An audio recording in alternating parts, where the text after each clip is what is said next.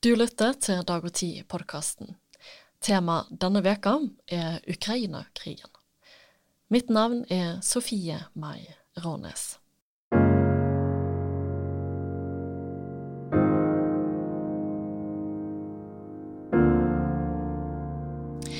Det er gått ett år siden Russland gikk til fullskala krig mot Ukraina. Mye har endra seg det siste året, og vi skal se tilbake på året som har gått, men òg se framover. Hvordan kommer 2023 til å se ut? Og med meg for å snakke om dette er Halvor Kjønn. Velkommen. Takk. Du er fast skribent i Dag og Tid, og har bodd til sammen ti år i Russland og Sovjetunionen. Og du har arbeidet som utenrikskorrespondent. Mange kjenner nok òg til bøkene dine. Det nyeste er 'Krig i vår tid'. Og du har skrevet flere bøker om russisk historie.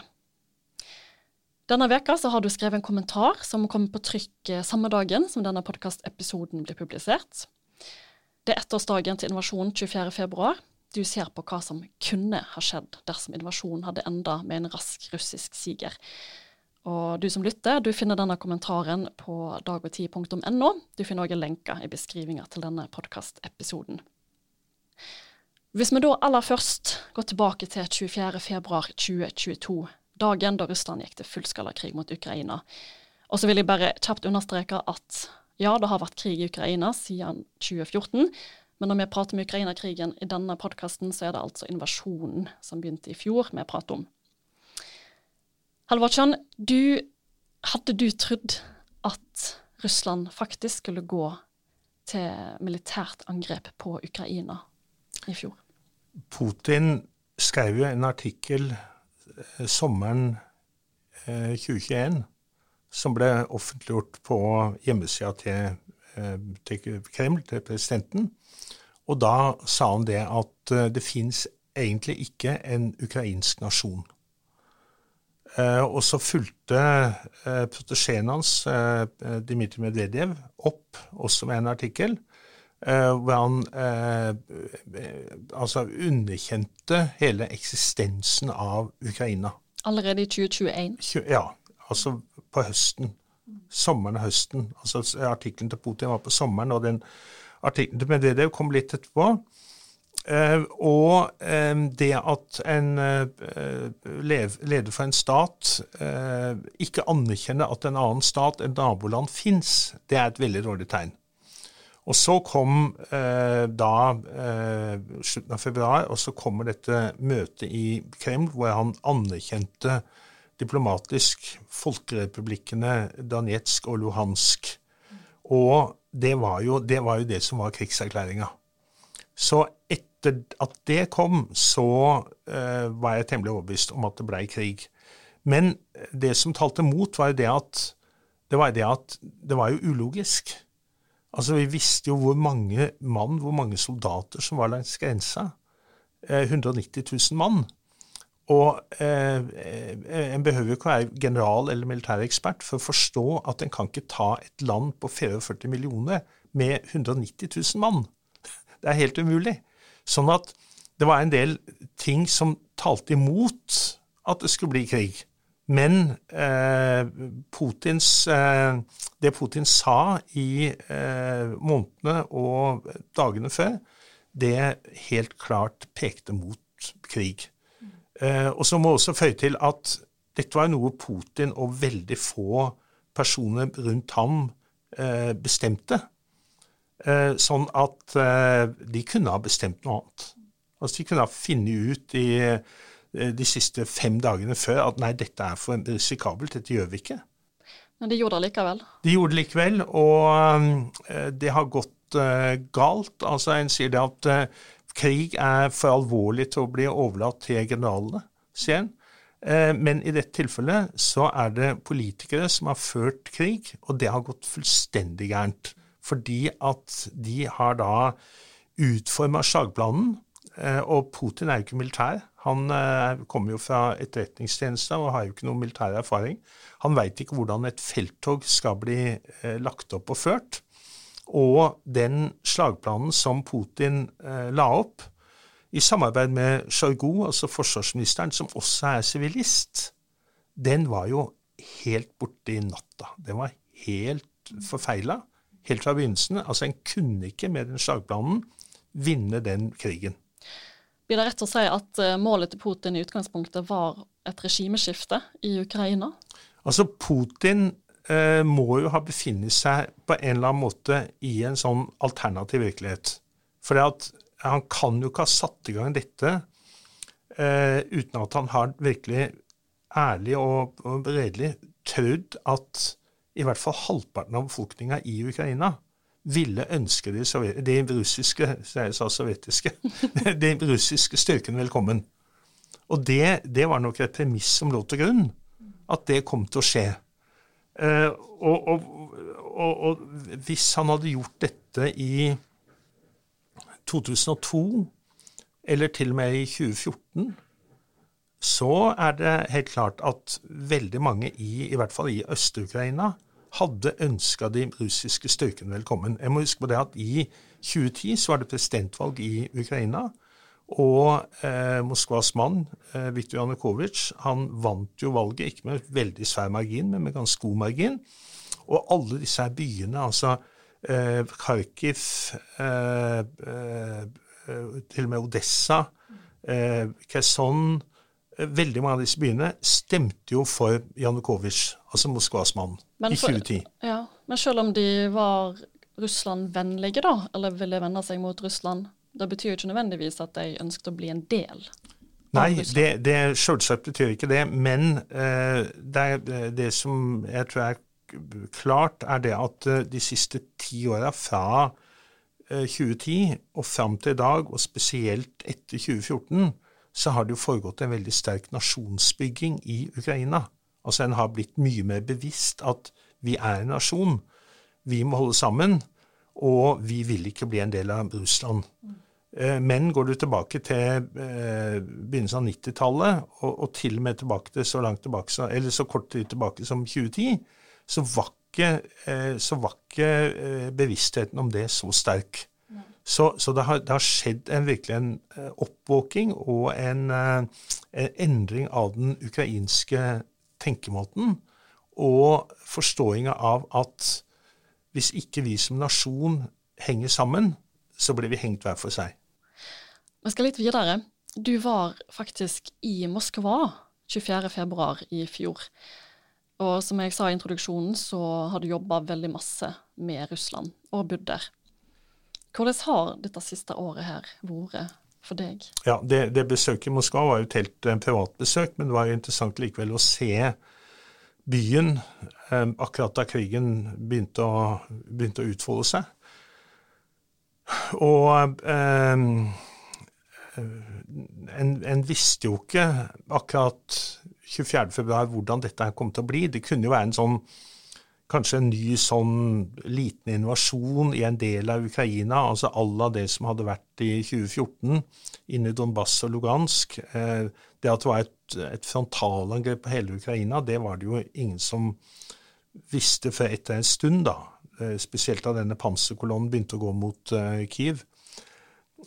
Men jeg må si det at de første par månedene etter invasjonen, etter at krigen var et faktum, så var jeg jo eh, personlig dypt deprimert. Fordi at, eh, at jeg sjøl og veldig mange med meg hadde jo Vi hadde jo engasjert oss i Russland fra 80-tallet av med den underliggende premissen at Russland skulle bli en del av Vesten.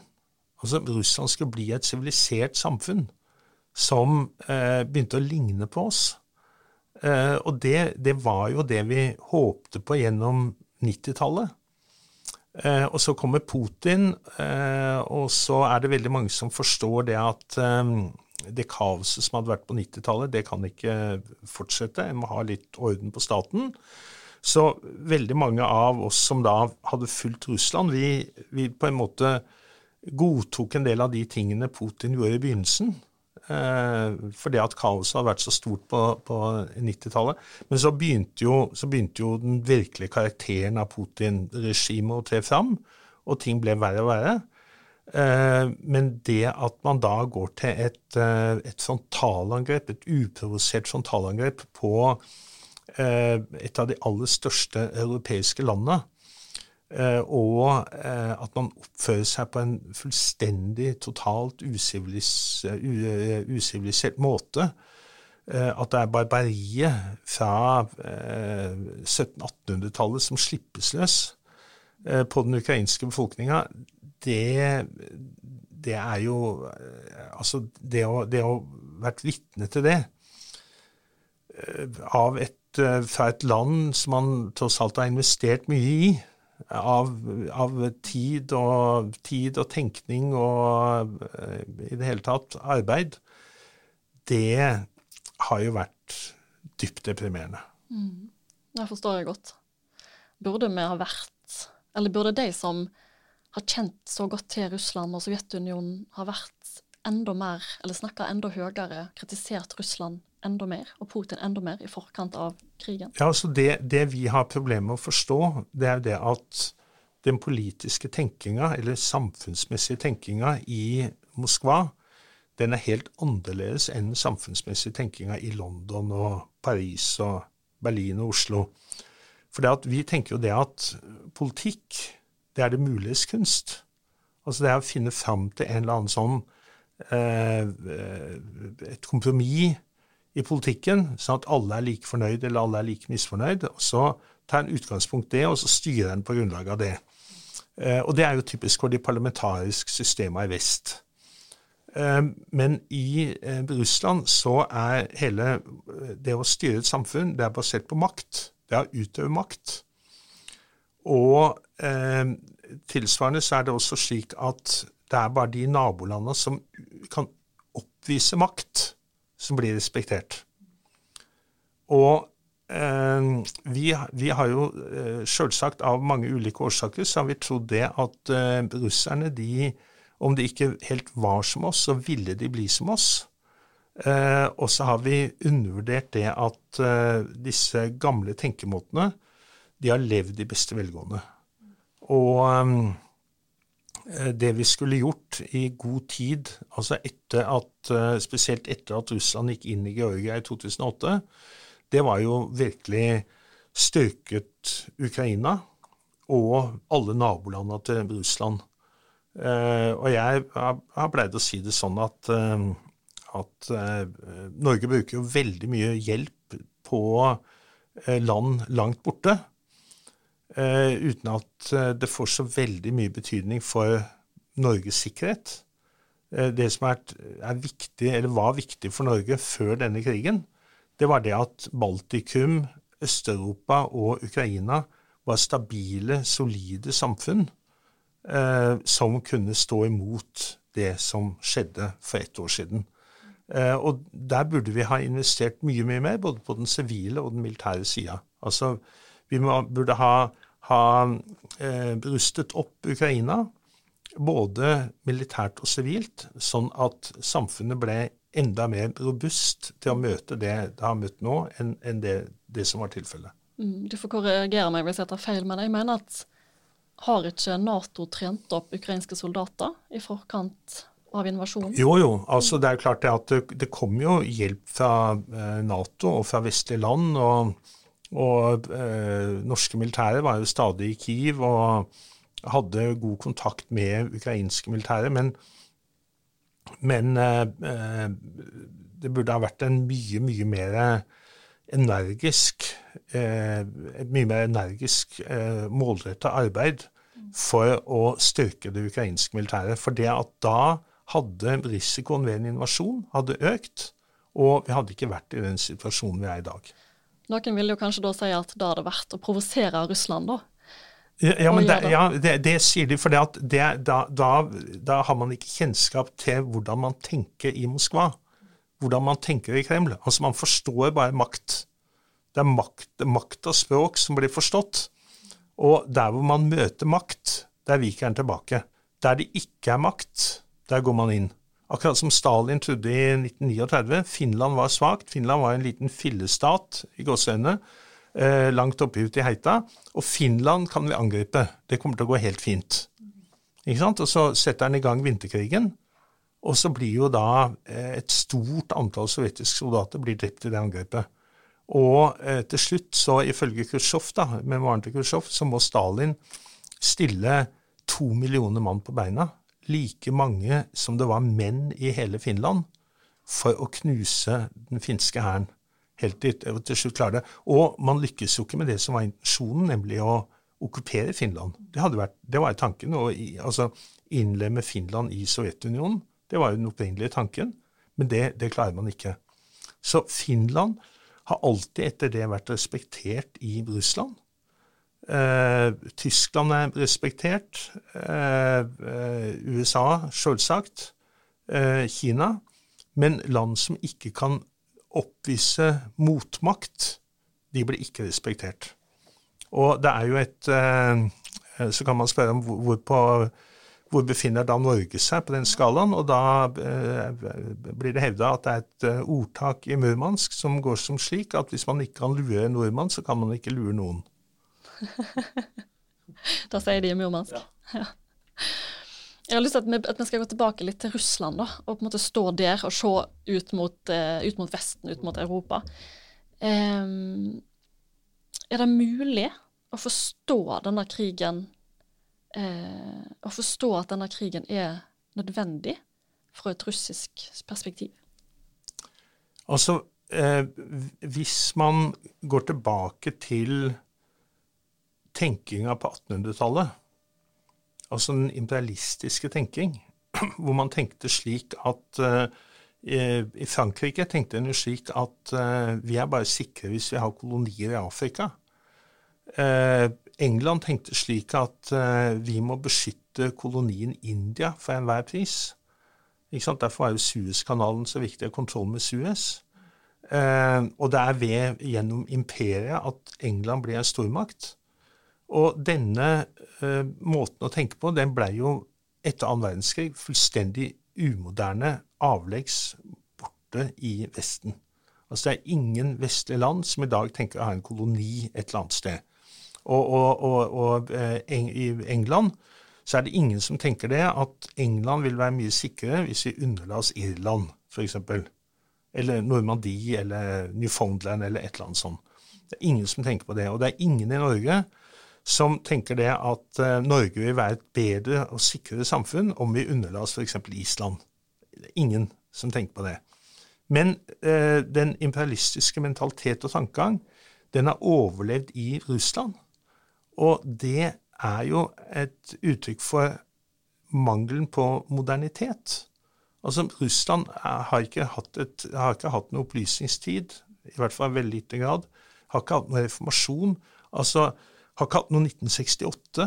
Altså alle disse her transformasjonene som preget, har prega Vesten og prega vestlig tankegang, som har gjort det at de aller fleste vestlige samfunn i dag er demokratiske og noenlunde egalitære, og i hvert fall er det samfunn hvor korrupsjon eh, blir sett ned på. Eh, det, det fins selvsagt, men, eh, men, vi forsøker å bekjempe det. Eh, eh, og hvor imperialisme er totalt avleggs. Men i Russland så er det ikke slik. Altså, korrupsjon blir tolerert. Eh, demokrati eh, det er ikke et eh, naturlig måte å styre landet på, mener veldig mange, altså av befolkninga. Og dette her med at man skal kontrollere eh, nabolandet, omgivelsene, det er også en helt i gåseøyne naturlig tankegang. Så, så den, eh, og dette, jo, dette, var naturlig tankegang på 1700-1800-tallet, eller gjengs tankegang. Og den tankegangen har overlevd. Så Russland er bare sikkert og trygt hvis det kan kontrollere nabolandene sine. Som jeg sa i begynnelsen her, så ville jeg gjerne at vi skulle stå litt i Russland og så se på Vesten, da. Jeg lurte på om, om krigen har endra, eller hvordan krigen har endra Russland det siste året? Altså, Det som er helt uh, sikkert, er jo det at uh, en god del av befolkningen de har jo blitt drevet inn i denne åndelige isolasjonen sammen med Putin. At vi kan klare oss sjøl. Vi er ikke avhengig av noen. Vi er et sterkt land, vi er en stormakt, vi kan stå aleine. Alt det som er vårt, Nash, som det heter, alt det som er nach, altså vårt, det er det beste. Og eh, vi er en uovervinnelig, uovervinnelig nasjon, og kreftene våre de er utømmelige. Det er jo et sånt slagord fra Stalin-tida. Kreftene våre er utømmelige. Det ble jo sagt under, under annen verdenskrig. Um, og, og, og, og det, er, det, er, klart, hvis man, hvis man befinner seg i den tankeverdenen som det, så behøver en jo ikke verden utafor. Da kan en jo klare seg i sin egen nasjon. Men, eh, men, eh, jeg må jo huske på det at eh, Russland er jo eh, et nokså lite innovativt samfunn. Og det vil jo veldig fort bli en eh, Sovjetunionen 2.0. Altså, det, ja. ja. Som var eh, gammeldags, tilbakeliggende eh, Altså, et isolert Russland vil jo bli et eh, tilbakeliggende, eh, fattig sted. Mm. Du, som jeg sa, var jo i Moskva eh, når invasjonen begynte. du så politibiler med blålys kjøre frem og tilbake med arresterte ja. demonstranter. Fins det nå i Russland en antikrig, ei antikrigsrørsle? Det ser jo ikke sånn ut, dessverre. Eh, vi kan jo håpe at det finnes en, men den er da så eh, eh så tildekt, så konspiratorisk, eh, altså i, i, den gode betydning av ordet, eh, så hemmeligholdt at vi veit ikke om den. Og eh, det at opposisjonen skal kunne få klare å mobilisere 50 eh, eller 100 000 mennesker ut i gatene, det eh, har jeg ikke noe tro på eh, foreløpig.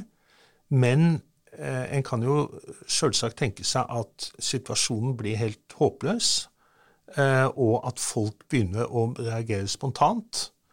Og eh, en må jo da tenke at folk som i dag er ja, i hvert fall 50 og 60 og 70 år gamle, de husker jo veldig godt slutten av sovjettida.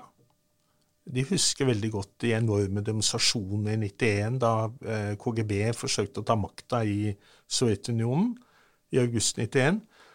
Og de, de veit jo det at eh, det er mulig å gjøre dette om igjen.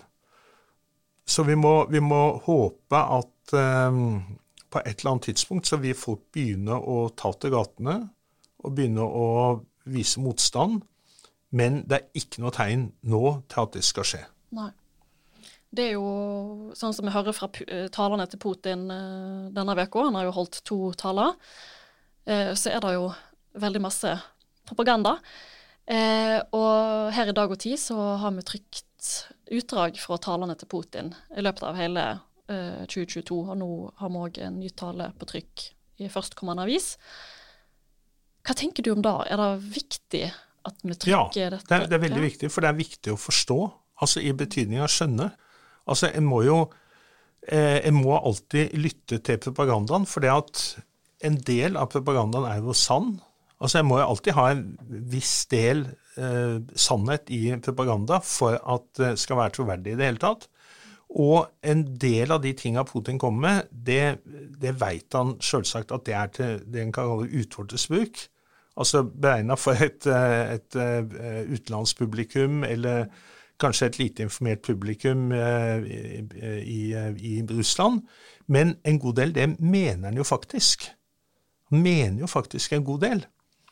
Og, og, og det er klart det at både i eh, sovjettida, i Sovjetunionen, og når det gjaldt sånne regimer som, som Nazi-Tyskland, så var det jo viktig å lytte til propagandaen for å avsløre eh, tenkemåten, og også mye av hensikten. at av og til så kommer det også fram hva de har tenkt å foreta seg. Så, så det, er, det, er, det, er, viktig. Men jeg merka meg at i, det, i, den talen han eh, holdt eh, nå på tirsdag, var det vel, så var det bare én trussel. Og den, var, den kom sånn i forbifarten. Og det var det at hvis eh, Nato fortsatte å gi langtrekkendes eh, våpen, altså raketter til Ukraina, så må Russland forsvare seg desto lenger ut fra sin egen grense. Det var, det var formuleringen han brukte. Og den Før har han jo trua med atomkrig.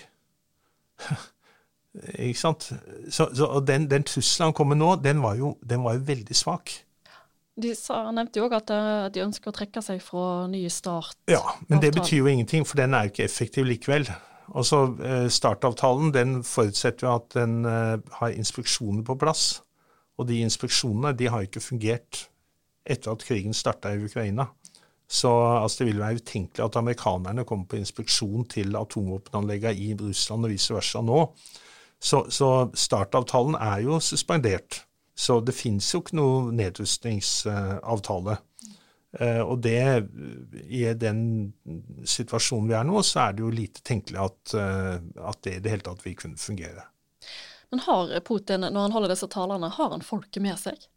Klarer han å engasjere han, har jo, Ja, altså, han, eh, altså en god del av eh, befolkninga tror jo på det at Vesten er ond. Og jeg må jo huske på, som jeg sa, at uh, Russland er et gammeldags samfunn. Uh, altså i tenkemåte.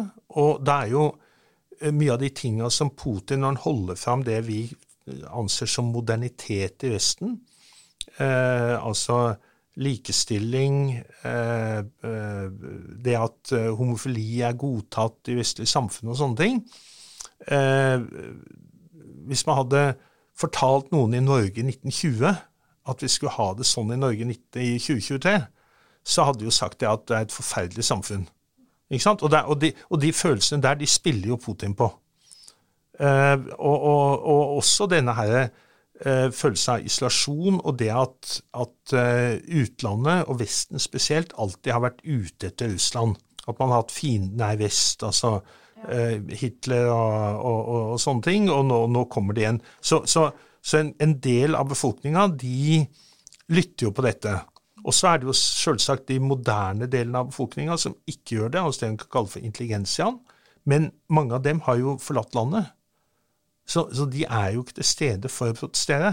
Og, og, der har jo Putin vært smart, sett fra sin, sin egen synsvinkel, at alle som har villet dra, stort sett da, de har kunnet dra.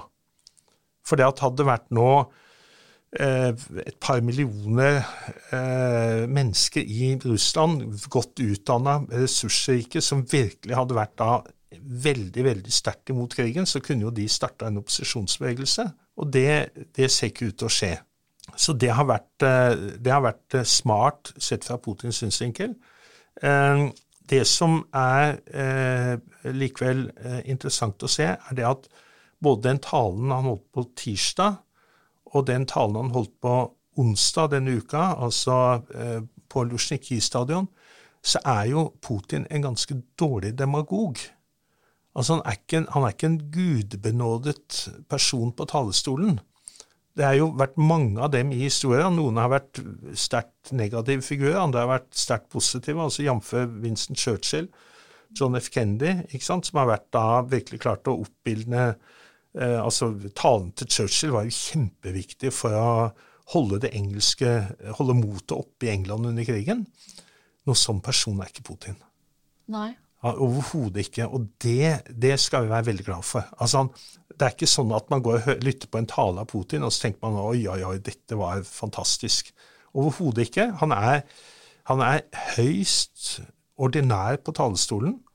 Og han, eh, han har lite personlig karisma, og han er veldig dårlig egna til å oppildne sitt eget folk.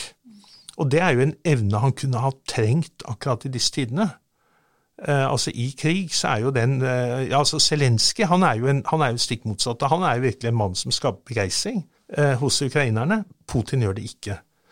Eh, vi skal begynne å avslutte her nå, eh, men jeg har et par viktige spørsmål som jeg vil stille deg før den tid. Og jeg, var, jeg spurte deg om hvordan krigen har endra Russland, men jeg vil se litt på hvordan krigen har endra Europa òg. For det er jo krigen i Europa, og Vesten sender våpen til Ukraina. Og land en ikke hadde trodd skulle bli med i Nato, ønsker nå medlemskap. Finland og Sverige. Er vi på vei mot en ny verdensordning?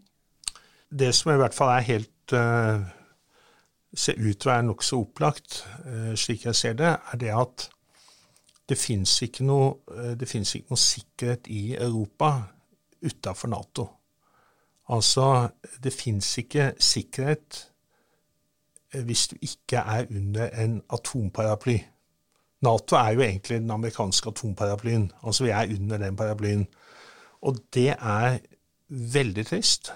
Vi trodde jo på 90-tallet at dette med militærmakt ikke lenger var viktig. Eh, nå viser det seg at eh, militærmakt er eh, prioritet nummer én. Og atommakt, altså det å være tilknytta en atommakt, være garantert av en atommakt, det er essensielt for tryggheten til det landet du bor i. Og dette er jo selvsagt forferdelig trist. En skulle jo trodd at verden var kommet lenger enn dette, men det er vi altså ikke. Så, så eh, dette med at militærmakt eh, er blitt igjen blitt viktig, blitt essensielt, det, det, det er en viktig endring.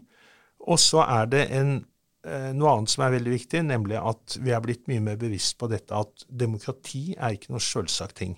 Altså, Demokratiet må ikke nødvendigvis overleve. Altså, Hvis tyranniet blir for sterkt, så kan tyranniet overta for demokratiet. Og vi har vel tenkt det at eh, nei, det vestlige demokratiet det er eh, bunnsolid. Eh, det kommer aldri til å bli trua, og vi lever da i en grunnleggende demokratisk, rettferdig verden.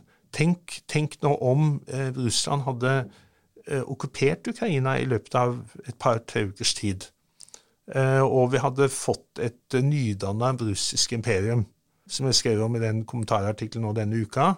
Eh, og Putin hadde stått og feira dette her, seieren i Ukraina, sammen med Xi Jinping i Kreml, altså fredag 24.2.2023 eh, sammen hylla da av Erdogan, som også ville da komme til feiringa, for han ville slutte seg til disse autokratia, ikke sant?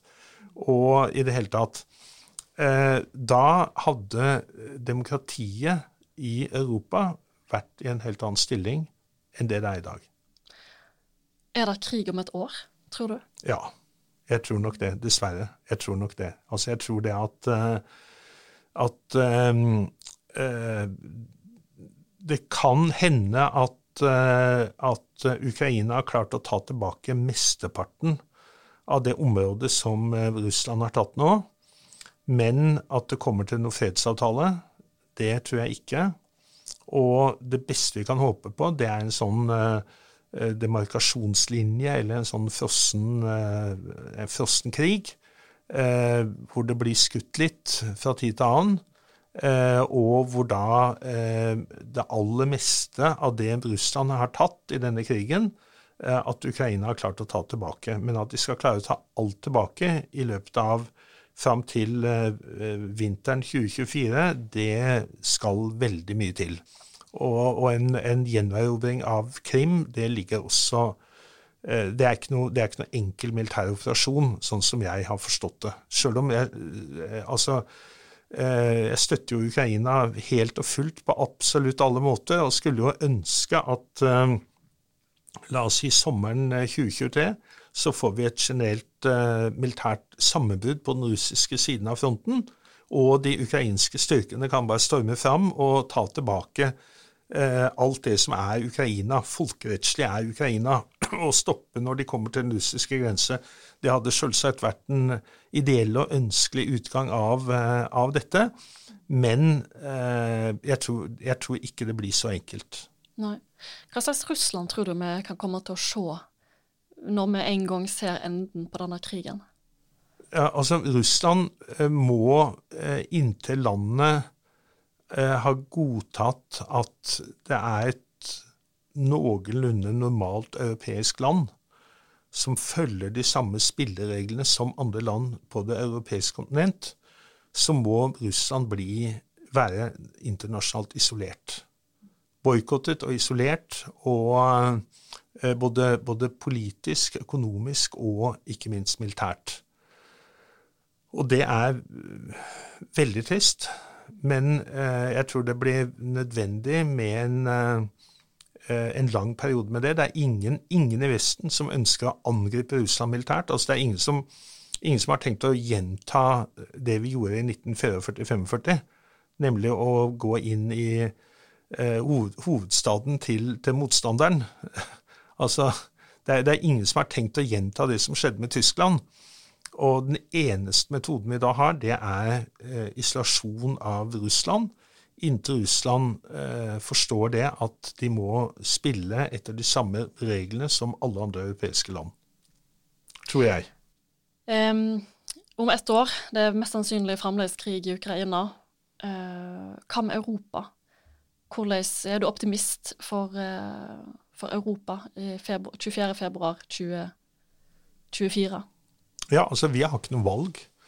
Vi kan ikke, vi kan ikke la Russland vinne denne krigen. Og slik sett så er jeg helt enig med en del av folkene i eh, partiet Rødt, som sier det at dette er, en, dette er egentlig en krig mellom Nato og Russland. Det, det, har de helt rett i. Deres konklusjon er jo det at derfor støtter vi ikke uh, Ukraina.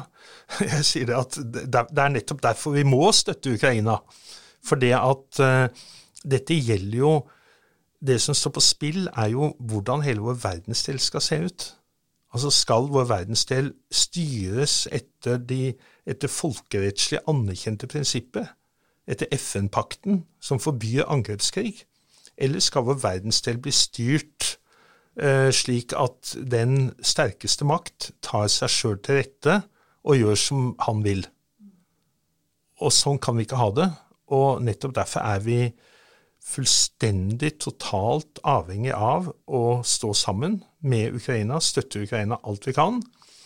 Eh, og vi må da ha i bakhodet at makt, motmakt, det er det eneste som man forstår i Moskva. Og de må møte så sterk motmakt at de etter hvert trekker seg tilbake. Det er det eneste håpet for fred. Da, da var det vi rakk i dag. Tusen takk, Halvard Kjønn, for at du kom til studio denne uka. Tusen takk.